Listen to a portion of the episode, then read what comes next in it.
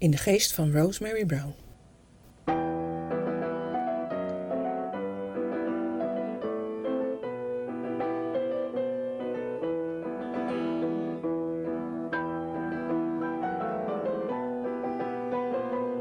De Britse Rosemary Brown kreeg honderden muziekstukken paranormaal doorgegeven door overleden grootheden als Beethoven, Liszt, Brahms en Stravinsky. In deze podcastserie praat ik, schrijver Vrouwtje Tuinman, met muzici, wetenschappers en Rosemary Browns familie. We bekijken en beluisteren een hoe dan ook geïnspireerd oeuvre. Aflevering 3.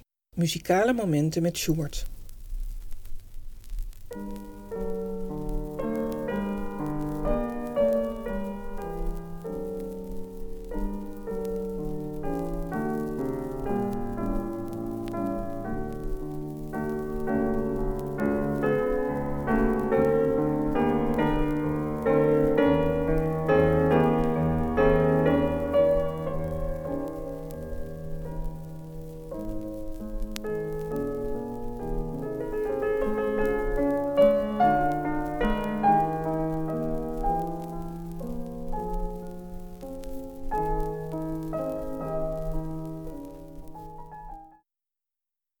Dit was een fragment van Moment Musical in G klein van Franz Schubert, gespeeld door pianist Howard Shelley. Het werk is uit 1968, zegt de platenhoes, en nee, dat is geen drukfout. Schubert bracht het pianostuk ruim na zijn dood over aan medium Rosemary Brown, die het voor hem noteerde. Haar zoon Tom hoort er zowel Schubert in terug als zijn moeder zelf. In it, a certain kind of sameness often in the left hand in the in the piano pieces. I think I would say, uh, where you know, so you have something that sounds, you, you know, that a very Schubertian melotune. Maar de linker is wat vlakker, typisch voor Brown, zegt hij. Evengoed vindt hij dat het muziekstuk op eigen wijze overtuigt. There are quite a few pieces that stand up, you know, and sound, you know, eerily just like pieces that they could have written in their own lifetime. Howard Shelley, die nog altijd de grote concertzalen bespeelt, was niet de eerste die viel voor het moment musical.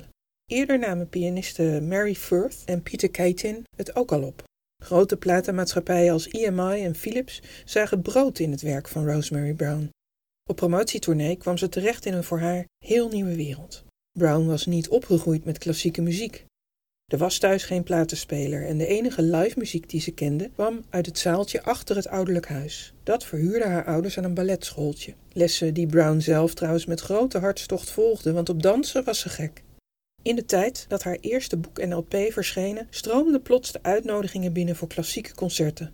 Genoot ze daarvan? vraag ik zoon Tom. You know, it's a very interesting question. Um, you know, music in her life.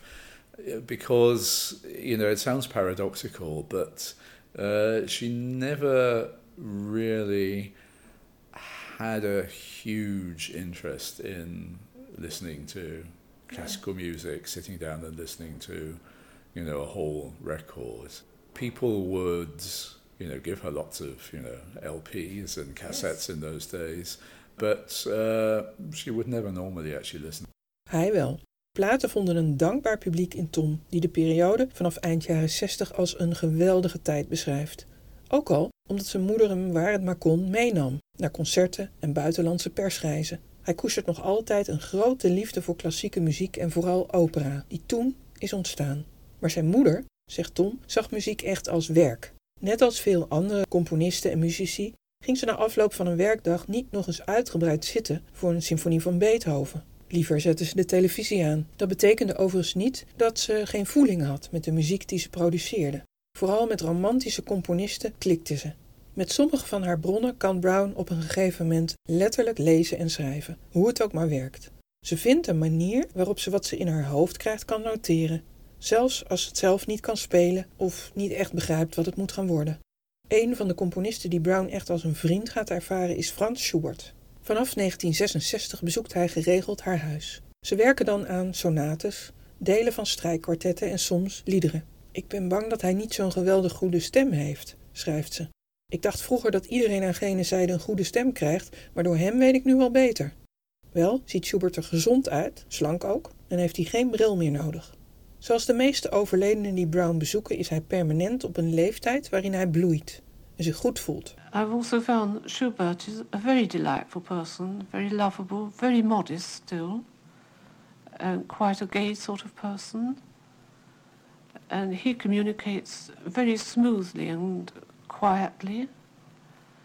I think Schubert is the only one of the composers who sometimes alters music just after he's given it to me. Um, be working away and suddenly he will say, Stop, I, don't like those last two bars, cross them out. Alle andere componisten hebben alles min of meer af wanneer ze aankloppen, zegt Brown. Voor muzikoloog Eriko Bomfim zijn vooral Browns werken geïnspireerd door Schubert, de reden dat hij zich nu al vele jaren met haar oeuvre bezighoudt. In zijn promotieonderzoek deed hij een diepgravende analyse van de sonaten in F klein, het meest ambitieuze stuk dat hij op dat moment van haar in handen had gekregen, vertelt hij mij via Zoom. En vooral ook een muziekwerk dat een aanname betwist die vaak, vooral in de klassieke muziekwereld, wordt gemaakt: dat Brown niet tot meer in staat is dan oppervlakkige imitaties van stijlen.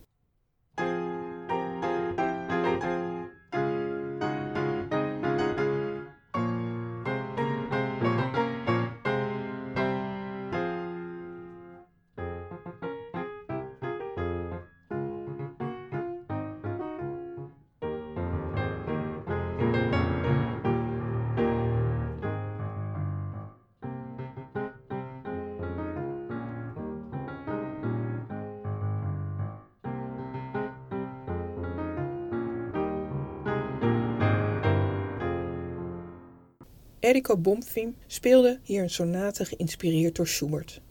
Hij is geboren en getogen in Brazilië. Daar en in grote delen van Zuid-Amerika zijn spiritisme en spiritualisme vrij grote bewegingen, vertelt hij. Het lid zijn van een andere kerk wordt daarbij niet uitgesloten. En dat was ook bij Brown het geval. Zij beschouwde zich allereerst als Anglikaans. Volgens Bomfim is het essentieel om, als je de intrinsieke kwaliteit van Browns werk wilt begrijpen, je te verdiepen in haar spirituele doelen en de methode daarvoor. Van oudsher, zo betoogt hij, is het spiritualisme erop gericht dat het medium zelf als persoonlijkheid zo min mogelijk aanwezig is in wat het overbrengt. Juist daarom wordt er vaak een grote rol gegeven aan vrouwen als medium. Because they associated mediumship with qualities that were um, associated to womanhood. Dan speelt er nog de tijd waarin Rosemary Brown leefde, zegt haar zoon Tom. This was still very much an age when um, the whole society that she was brought up in, you know, women weren't composers.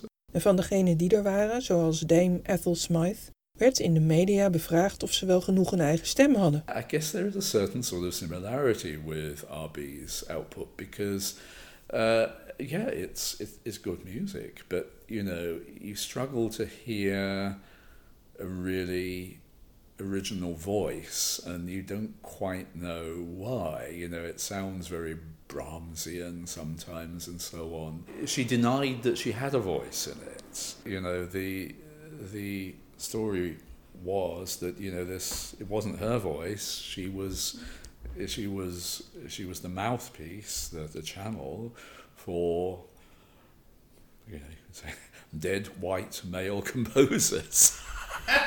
Uh. Het boek dat de prominente muzikoloog Ian Parrott in 1978 over Browns werk publiceert, is wat dat betreft veelzeggend. Parrott neemt haar paranormale gaven zeer serieus. En voor een heel eind ook de muziek die eruit voortkomt. Echter, elke kwaliteit ervan legt hij bij de componisten. Die is een onderstreping van hoe geweldig ze bij leven al waren. Terwijl elke tekortkoming of dat nou muzikale grammatica fouten zijn of een te vlak resultaat, volgens hem door Brown worden veroorzaakt. Zelf was ze trouwens blij met het boek. Ze ging helemaal mee in de kritiek. Immers, ze wist nou eenmaal weinig van muziek. Wat dat betreft is het, zo vertelt Bonfim, toch echt opmerkelijk hoeveel Schubertiaanse kenmerken Brown reproduceert.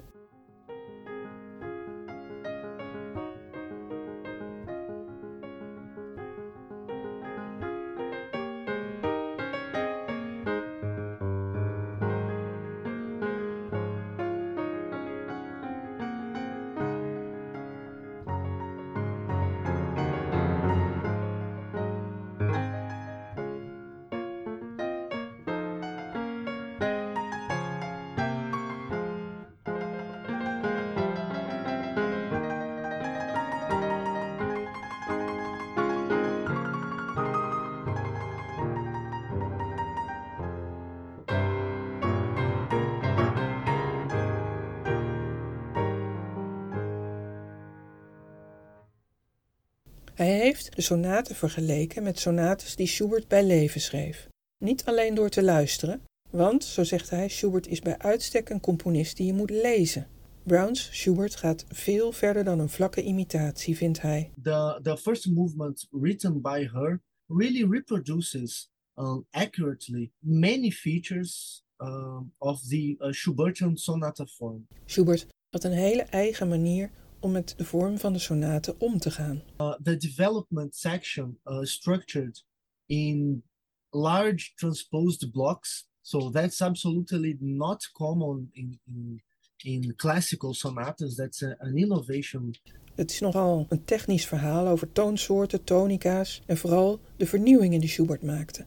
Brown structureert een hele sonate op de manier dat Schubert dat ook doet. Alles bij elkaar zijn het te veel aspecten om te kunnen verzinnen als gewone huisvrouw die niks van muziek weet. Schubert is een van de weinige componisten die Brown ook inspireerde tot vocale werken. Dat was nogal een worsteling. Het noteren van de Duitse woorden viel haar zwaar. De liederen werden geregeld uitgevoerd. Op radio BBC 1 begeleidde pianist en muzikoloog Malcolm Troop een van de liederen waarvan hij zeer overtuigd was. En op de Duitse zender ZDF zong slagerzanger Udo Jurgens vanuit de woonkamer van Rosemary Brown een lied van Schubert over vertwijfeling en hoop. Al die opnames zijn helaas niet bewaard gebleven. Wel vond ik een Lendler. Op een bootleg van een concert uit de jaren 80 met een bijbehorend dubieuze geluidskwaliteit.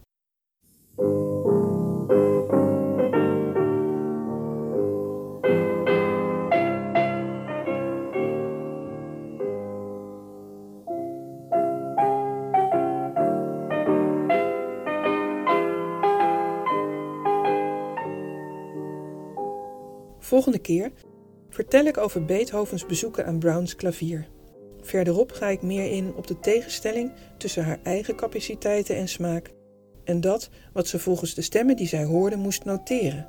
Of, zoals ze zelf schreef, Brahms kan het niet schelen of ik het mooi vind of niet. Hij geeft het door en daarmee uit. Deze podcast is tot stand gekomen in opdracht van Preludium, magazine van het Concertgebouw en het Concertgebouw Orkest.